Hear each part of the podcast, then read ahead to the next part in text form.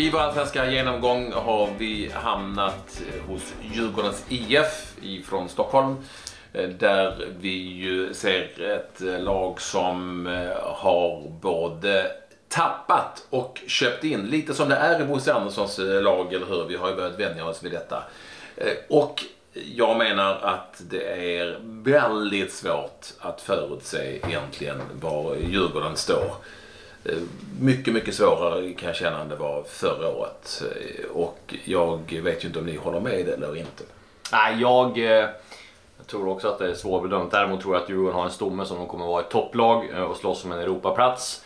Däremot så tror jag inte att det är många som säger att Kim Källström var ett väldigt tungt tapp. Det tror jag mm eh, inte alls eh, kommer påverka speciellt mycket. Dels för att jag tror att Kim kände väl sina begränsningar själv, att det var dags att sluta. Han kände kanske att den här säsongen skulle han inte hängt med.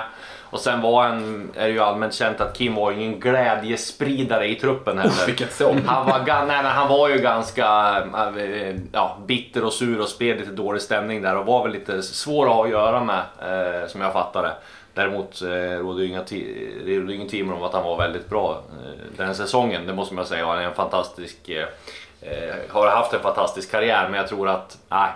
Jag tror, att, jag tror inte det gör någonting för stämningen i omklädningsrummet att Kim la av. Jag tror att Jesper Karlström, Kevin Walker och Fredrik Ulvestad kommer göra, kommer göra bra där på mitten. Sen är ju tappet framförallt Mange Eriksson mm. och de många poängspelarna de har tappat. Så att det är väl där. Sen tror jag att Dennis Kosica och Jonathan Ring kan bli överraskningar. Men nej, jag, eh, nej, jag tror Djurgården kan, eh, kan vara med och slåss i toppen.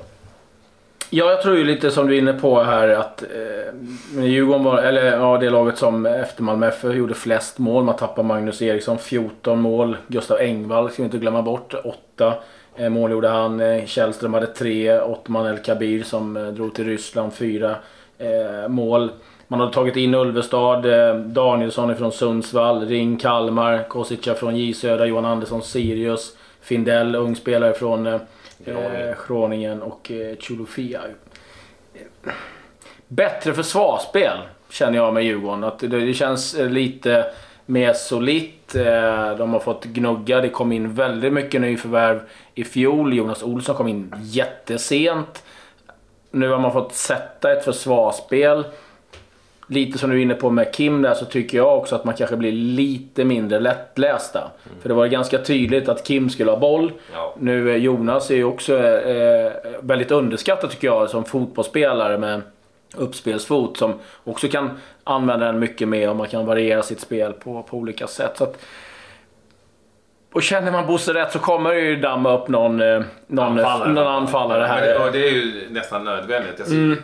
Lite underskattar vi till viss del underskattar vi kanske ändå Kim Källströms eh, han var bra, alltså, alltså det är inte det. Kim Källströms liksom. betydelse, inte minst under hösten när han var väldigt bra tyckte jag. Bättre än eh, jag tyckte att Jo han men jag menar var att han, jag tror inte han kände att han kunde upprepa en sån säsong. Nej, nej, Den nej, hade nej, han inte nej. i sig så jag tror att det var bra nej. att han la av nu. Mm. Det, det som alltid blir fråga är ju eh, när man plockar bort de spelarna som har försvunnit. Ni har varit inne på de poängspelarna som det kallas. Och så säger man, alright, vem ska göra det här istället? Och den frågan har jag inget svar på i varje fall. Så som, det, så som det ser ut just nu. Jag tror inte att, och jag gillar både Korsitsa och, och Jonathan Ring. Jag tycker det är bra spelare. Men det är inga, de kommer inte superproducera den typen av poäng som Magnus Eriksson gjorde. Och, och, och, det är klart att um, nu vet vi inte hur det är med Gustav Engvall. Han kanske kommer tillbaka. Det vet man ju. Du har en så. Karim Merabti som jag tycker ser jätteintressant ja. ut. Eh, Radetinac, var står han?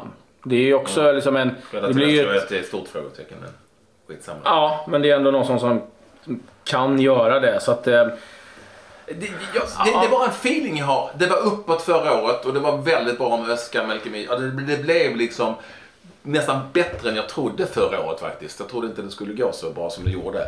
Och jag tror att det kommer att slå tillbaka. Och det är bara min, min känsla av att se hur den här typen av lag har fungerat tidigare. Pang upp, kul, häftigt, wow. Och sen så försvinner en jäkla massa spelare för att det har gått bra för dem.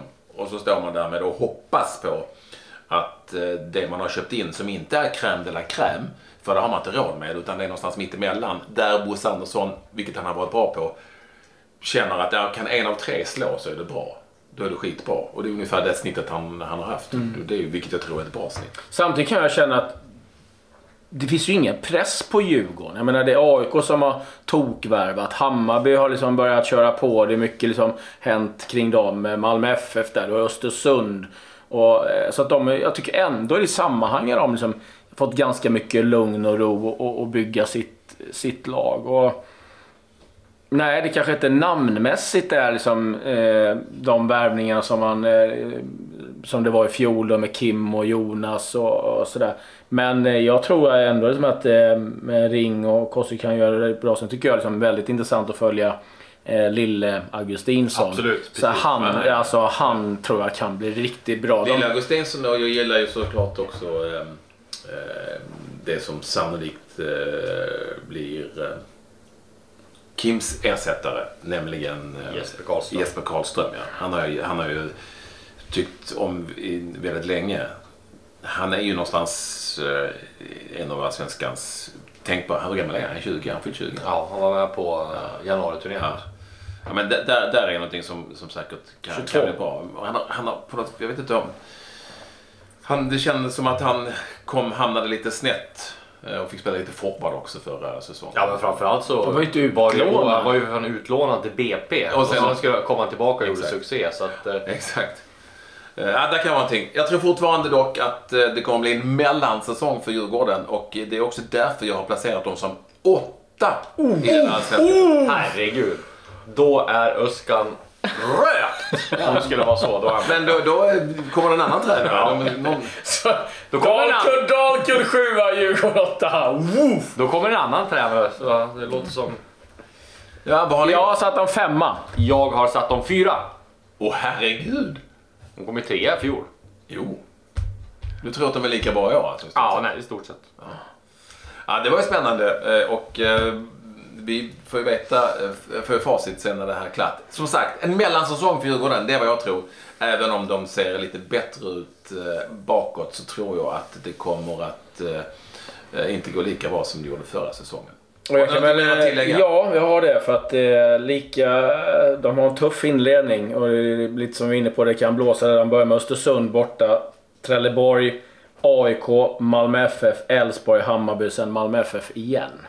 Så att Jäklar. det är inget roligt program. Så att, men där har du ju liksom det antingen eller. Får man flyt och vinner de här matcherna då, då kan det ju liksom gå riktigt bra och det kan... Premiären blir en rysare. Ja. Östersund-Djurgården. Den är härlig. Härligt.